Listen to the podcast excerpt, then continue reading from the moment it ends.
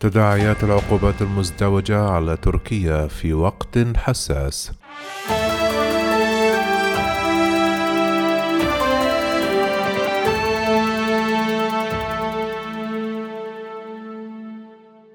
في الأيام الأخيرة لحكم الرئيس الأمريكي دونالد ترامب أجرت لجنة في مجلس الشيوخ يوم الجمعة تشريعا لفرض حزمة من العقوبات ضد أنقرة في تحرك لم تكن تتوقعه الأوساط التركية بل على العكس كانت تعول على عرقلته استناجا على نتاج سنوات أربع أصبحت فيها تركيا لاعبا إقليميا كان له حظوظ ومكاسب ساعد على إتاحتها سياسة الإدارة الأمريكية المنتهية ولايتها في يناير المقبل.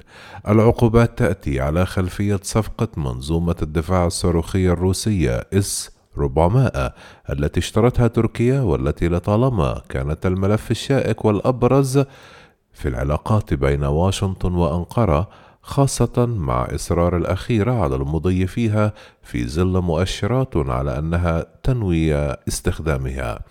كان المشرعون الأمريكيون قد تحركوا لفرض عقوبات على تركيا بموجب قانون مكافحة خصوم أمريكا من خلال العقوبات كاتسا في عام 2019 لكن البيت الأبيض توقف منذ ذلك الحين عن فرضها لتعود العقوبات إلى الواجهة من جديد. أهمية العقوبات الأمريكية تأتي كونها فرضت في وقت حساس يفصل ما بين إدارتين أمير أمريكيتين ومن بين رئيسيين. الأول هو دونالد ترامب الذي عرف بسياسة لينة اتجاه نظيره رجب طيب أردوغان. على خلاف جو بايدن الذي يؤكد المحللون والمراقبون على أنه سوف يكون قاسيا وسيفرض معه مشهدا سيقلب ما صار به سلفه رأسا على عقب. كما تتزامن العقوبات الأمريكية مع أخرى باتت أمرا واقعا. فرضها قادة الاتحاد الأوروبي خلال اجتماعهم في بروكسل ردا على تصرفات أنقرة غير القانونية والعدوانية في البحر المتوسط ضد أثينا ونقوسيا حسب ما قال متحدث باسم المجلس الأوروبي. ورغم أنها فردية إلا أن بابها بقى مفتوحا لتكون أكثر ثرامة مع حديث لدبلوماسيين أوروبيين بأنه يمكن اتخاذ إجراءات إضافية إذا واصلت تركيا أعمالها على أن توضع لائحة بالأسماء المعاقبة في الأسابيع المقبلة وستعرض على الدول الأعضاء للموافقة عليها. لم يتأخر الرد كثيرا من أنقرة على العقوبات الأوروبية إذ خرج رجب طيب أردوغان بخطاب اعتبر فيه أن البلدان الحكيمة في الاتحاد الأوروبي أحبطت مخططا ضد تركيا عبر طرح مواقف إيجابية خلال القمة كما قلل أيضا من العقوبات التي يحضر لها من الأوروبيين في مارس من عام 2021 التقليل من أثر العقوبات الذي أبداه أردوغان قد لا ينسجم مع الواقع.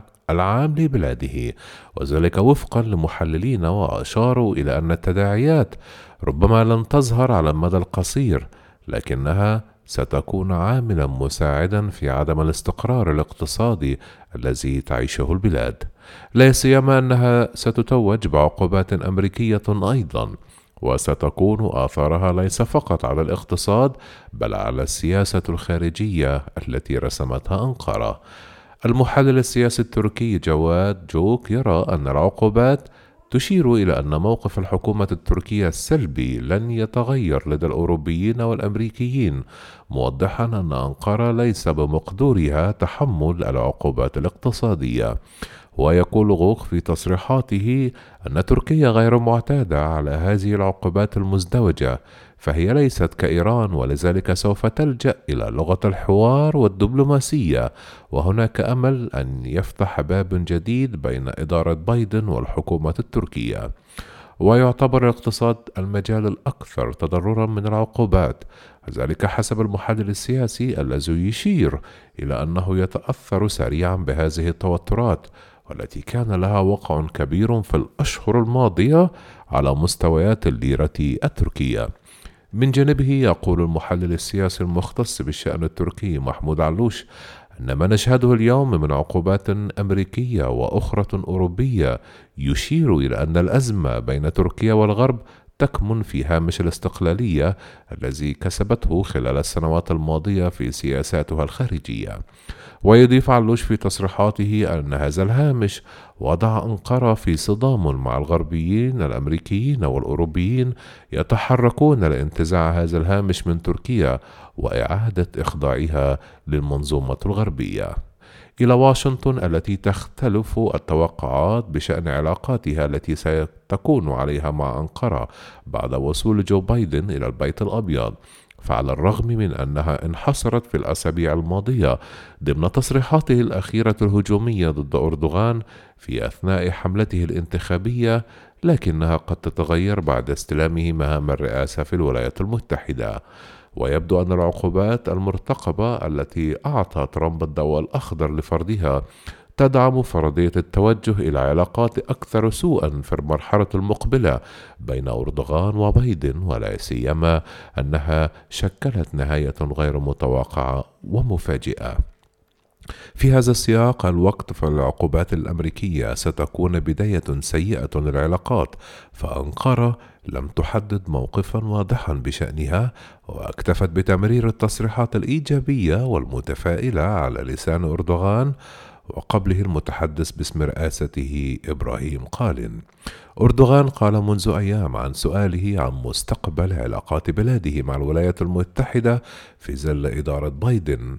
الحديث عن ذلك ما زال مبكرا قبل بدء بايدن لممارسة مهامه في الإدارة الجديدة مؤكدا أنه عندما يبدأ السيد بايدن بمهامه سنجلس ونتحدث حول بعض الأمور كما فعلنا ذلك في السابق. أضاف أيضا بعضهم يزعم استياء إدارة جو بايدن من تركيا لكنها ادعاءات خاطئة من بعض وسائل الإعلام. في حين أعرب قال عن ثقته أن علاقات بلاده مع أمريكا ستكون جيدة وإيجابية على حد وصفه. في عهد بايدن مضيفا بأن بايدن يعرف تركيا ورئيسها جيدا وزار أنقرة لمرات عدة عندما كان يشغل منصب نائب الرئيس الأمريكي السابق باراك أوباما. إنني على ثقة بأن علاقاتنا ستكون جيدة وإيجابية. من جهة أخرى نظر المحلل السياسي محمود علوش أن أردوغان تجنب في أكثر من مناسبة إصدار موقف واضح إزاء توقعه للعلاقة المستقبلية مع إدارة بايدن، لكنه في الوقت نفسه يرفض الجزم بأن هذه العلاقات ستكون سيئة، معتبرا أن هذا الحظر يعكس بطبيعة الحال الغموض لدى الأتراك حول توجهات بايدن تجاههم. يضيف علوش أن تركيا لا تفضل أن تكون العلاقة مع إدارة بايدن متوترة في بداياتها لأن من شأن ذلك أن يعقدوا على نحو كبير مساعي التفاوض بين البلدين حول القضايا الخلافية العديدة. كما أن أنقرة تحرص على توجيه رسائل إيجابية للإدارة الأمريكية المقبلة حتى قبل أن تتولى السلطة وإظهار أنها منفتحة على التعاون معها من أجل حل القضايا الخلافية. وبأن تركيا لا تزال جزءا من المنظومة الغربية وأيضا أن تعاونها مع أطراف أخرى من خارج هذه المنظومة كروسيا وخلافاتها مع الأوروبيين حول شرق المتوسط لن تكون على حساب شراكاتها مع الغربيين لكن في الوقت ذاته تتطلع أنقرة في المرحلة الحالية إلى نهج أمريكي جديد معها مختلف عن نهج الإدارات السابقة. على مدار السنوات الأربع الماضية وفي عهد ترامب كان لافتا اندفاعه أردوغان على المستوى الإقليمي والتي تمثلت في الدخول والانخراط في أكثر من صراع أولا وبشكل كبير في سوريا وفيما بعد إلى ليبيا ومؤخرا في القوقاز وشرق المتوسط. في تلك السنوات اتجهت إدارة ترامب إلى حماية أنقرة إلى حد كبير من العقوبات المقترحة في الكونغرس، لكن يبدو أن هذا الأمر سيتغير حال تولي بايدن منصبه في يناير العام المقبل، وذلك بسبب عدة ملفات عالقة بين الطرفين ليس فقط صفقة النظام الصاروخي الروسي بل إلى اتجاهات أخرى تتعلق بحقوق الإنسان وطبيعة العلاقة العامة مع موسكو والتي وصلت إلى مستويات عالية باتت تقلق دول حلف الناتو. ويستبعد البروفيسور أحمد أويسال مدير مركز أرسام لدراسات الشرق الأوسط أن تكون العلاقة بين واشنطن وأنقرة في المرحلة المقبلة سيئة بالقدر الذي يروج له على المستوى العام من قبل محللين أو مراقبين. ويقول وصال المقيم في أنقرة في تصريحاته نحن نعلم أن تركيا وأمريكا حليفان قديمان ويحتاجان إلى بعضهما البعض وهذا لن يتغير ببايدن أو ترامب أو غيرهما. أمريكا عظمى وتركيا إقليمية ولا يمكن أن تتخلى الأولى عن الثانية. ويعتقد أيضا أن الاتفاقيات ومناطق التحالف سيستمر في عهد بايدن لأن أمريكا لديها صراعات أكبر من تركيا في المنطقة وفي العالم كذلك مع الصين وروسيا كما هي غير منسجمة مع الاتحاد الأوروبي. ويرى رئيس مركز الدراسات أن بايدن له خبرة كبيرة في العلاقات الخارجية ويفهم ذلك على الرغم من التصريحات السلبية التي أطلقها معتبرا أن موقفه سيتغير بعد وصوله إلى البيت الأبيض بحسب وصفه.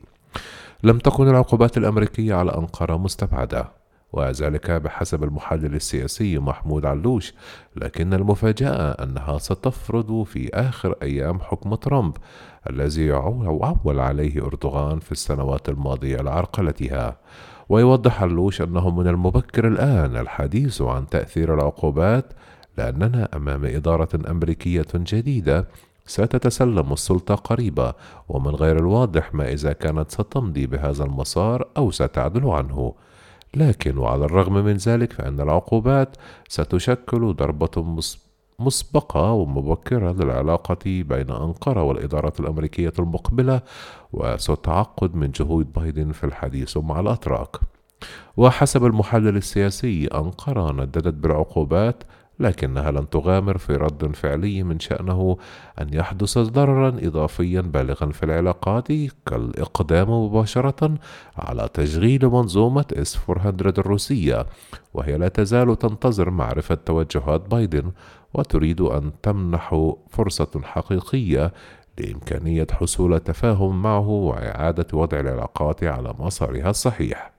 أما أحمد إيوسيال فتوقع أن تكون العقوبات الأمريكية رمزية بحد وصفه معتبرا أن ترامب يريد أن يفجر الأشياء لبايدن قبل أن يغادر. ويؤكد أويصال الدولتان أي تركيا وأمريكا مهتمتان ويحتاجان إلى بعضهما البعض. تركيا لا تريد أن تخسر أمريكا والأخيرة لا تريد أن تخسر أنقرة كقوة إقليمية بحد وصفه.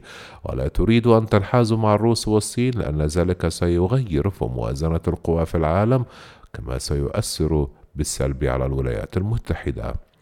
على الرغم من أن العقوبات الأمريكية المرتقبة التي يدور الحديث عنها تخص فقط الجزئية المتعلقة بالنظام الصاروخي اس 400 الذي اشترته أنقرة إلا أن ما تريده واشنطن قد يكون أبعد من ذلك بكثير.